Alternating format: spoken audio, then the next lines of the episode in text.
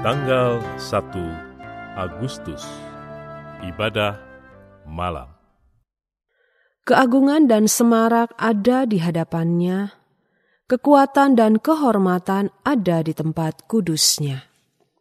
Kepada Tuhan, hai suku-suku bangsa, kepada Tuhan sajalah kemuliaan dan kekuatan. Mazmur pasal 96 ayat 6 dan 7.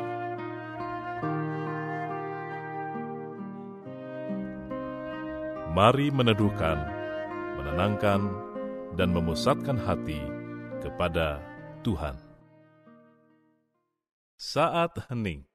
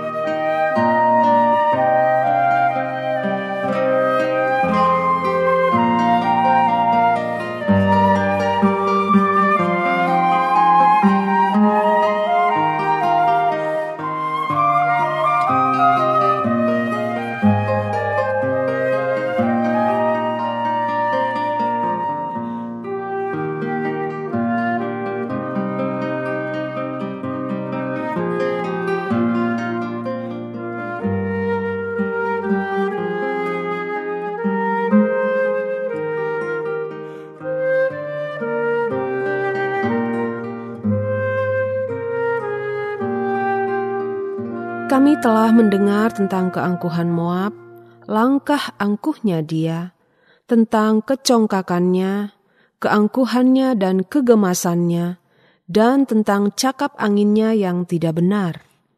Sebab itu biarlah orang Moab meratap, seorang karena yang lain, biarlah sekaliannya meratap. Mengingat kue kismis, kir hareset, biarlah mereka mengaduh dan hancur luluh sama sekali. Itulah firman yang diucapkan Tuhan tentang Moab pada waktu yang lalu. Yesaya pasal 16 ayat 6 sampai 7 dan ayat 13.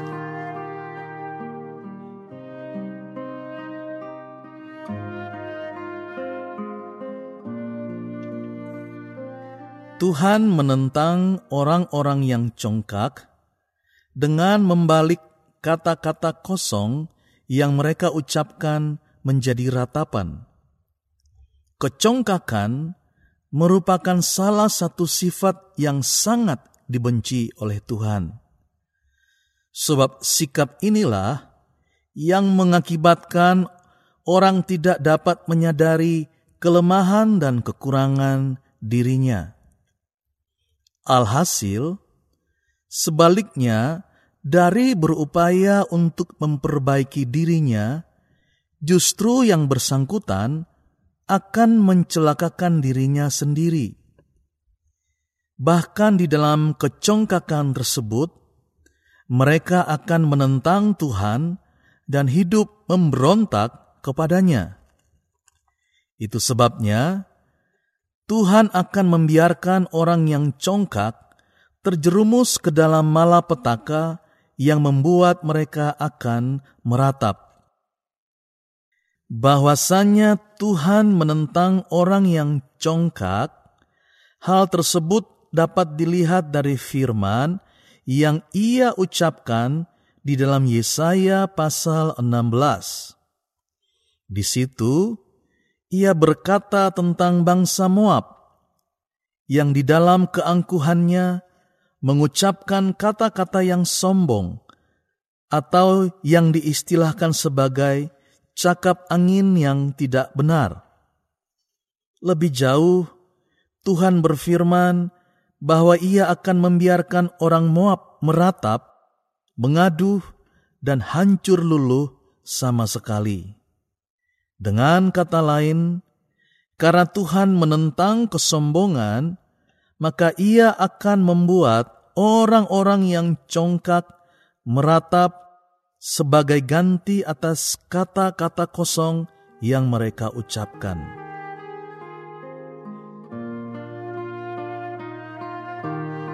Menurut Anda, termasuk orang congkakkah diri Anda?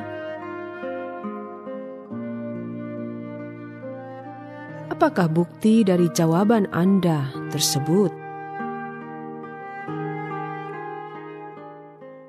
Kembali, aku datang menghadap tahta anugerahmu, ya Tuhan. Kehadapanmu yang maha mulia, aku merendahkan diriku dan memohon kemurahanmu. Ampunilah diriku karena kecongkakanku Aku mengaku, tidak jarang aku beranggapan bahwa semua yang telah kucapai di dalam hidupku hanyalah karena hasil usaha dan kemampuanku sendiri. Tuhan, bersihkanlah hatiku dari sikap yang tidak berkenan kepadamu itu. Luruskanlah jalan hidupku dan pulihkan aku. Bimbinglah aku agar pikiran, niatan, perbuatan, dan perkataanku memuliakan namamu.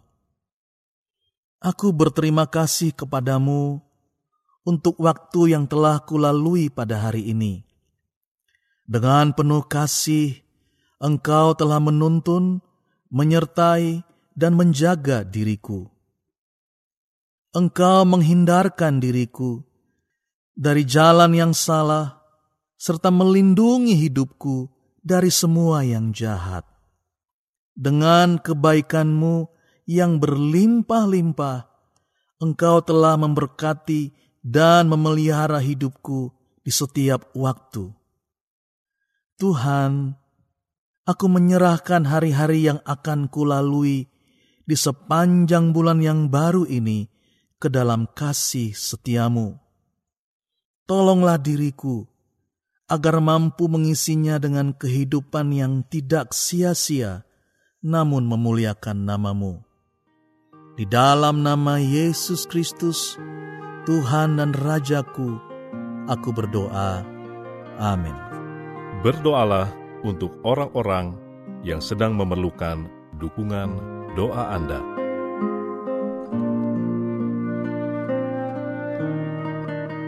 Mari meneduhkan hati di hadapan Tuhan.